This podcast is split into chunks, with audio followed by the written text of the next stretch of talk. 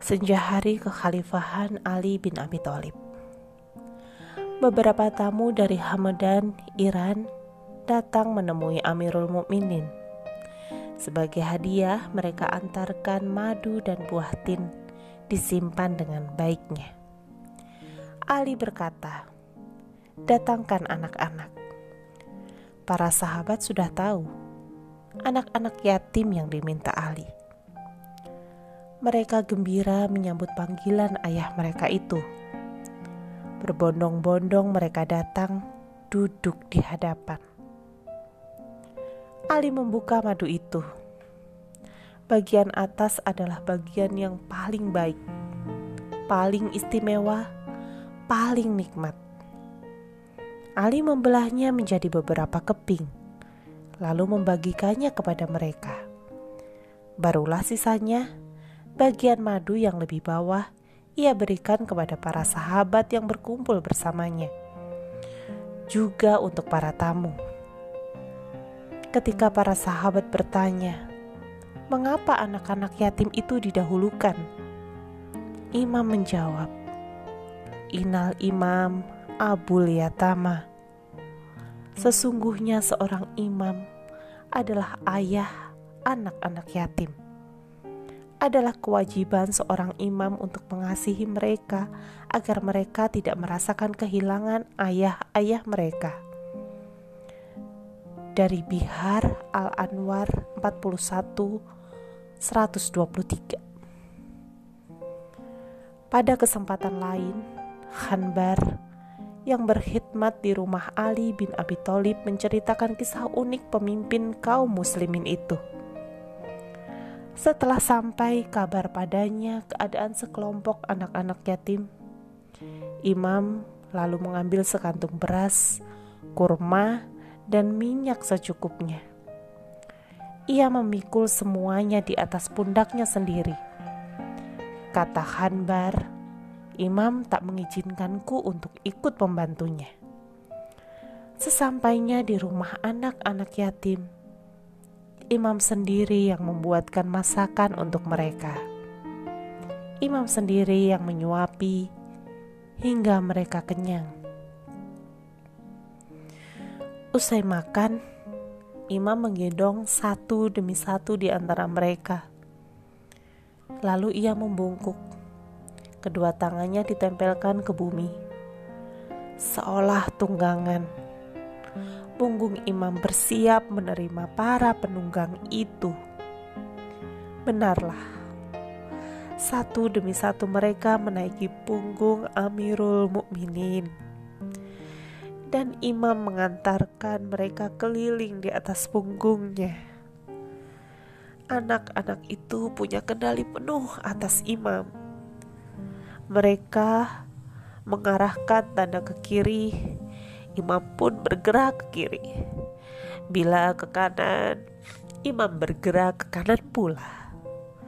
Dan masih ada satu hal lagi. Imam pun sesekali mengeluarkan suara embikan. Iya, ia memperagakan diri menjadi tunggangan anak-anak itu. Mereka tertawa riang. Ketika usai pengkhidmatan itu, kata Hanbar, aku bertanya pada Amirul Mukminin alaihissalam, Junjunganku, aku tidak pernah melihatmu melakukan apa yang kau lakukan tadi. Pertama, kau pikul sendiri makanan mereka di pundakmu. Dan kedua, kau buat mereka tertawa dengan embikanmu Imam pun menjawab, Adapun yang pertama adalah jalan beroleh pahala. Sedangkan yang kedua, ketika aku masuk rumah itu, mereka sedang menangis.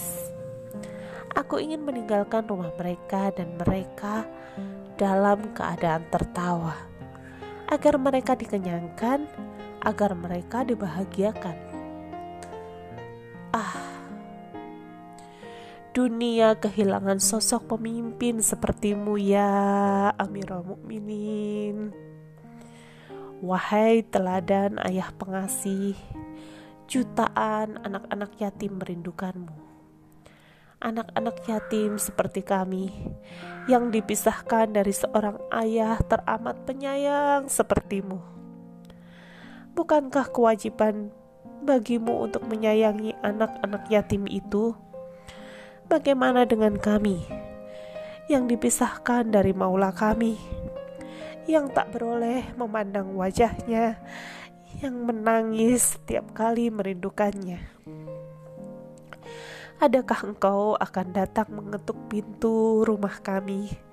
Akankah kau usap air mata kami? Akankah kau tenangkan gelisah kami? Selamanya kami merindu. Selamanya kami menanti. Tak akan berhenti kami menunggu. Tapi akankah kau datang mengetuk pintu? sedang anak yatim yang kau cintai tak hadir bersama kami. Derita orang kecil yang kau rindukan tak jadi kesedihan kami. Mungkinkah kau datang mengetuk pintu sedang kami tidur kekenyangan? Anak-anak yang kau sayangi kelaparan. Bagaimana mungkin mengharapkan kehadiranmu, sedangkan anak-anak itu tak hadir dalam doa yang kami panjatkan. Maafkan kami, Imam. Maafkan kami. Aku bayangkan kau berlalu di depan pintuku. Sudah sekian kali. Bukan karena kau tak membalas rindu melainkan aku yang tak layak untuk itu. Ampuni aku, sayangilah aku. Selamanya penyesalan akan memburuku, akan selalu mencengkeramku.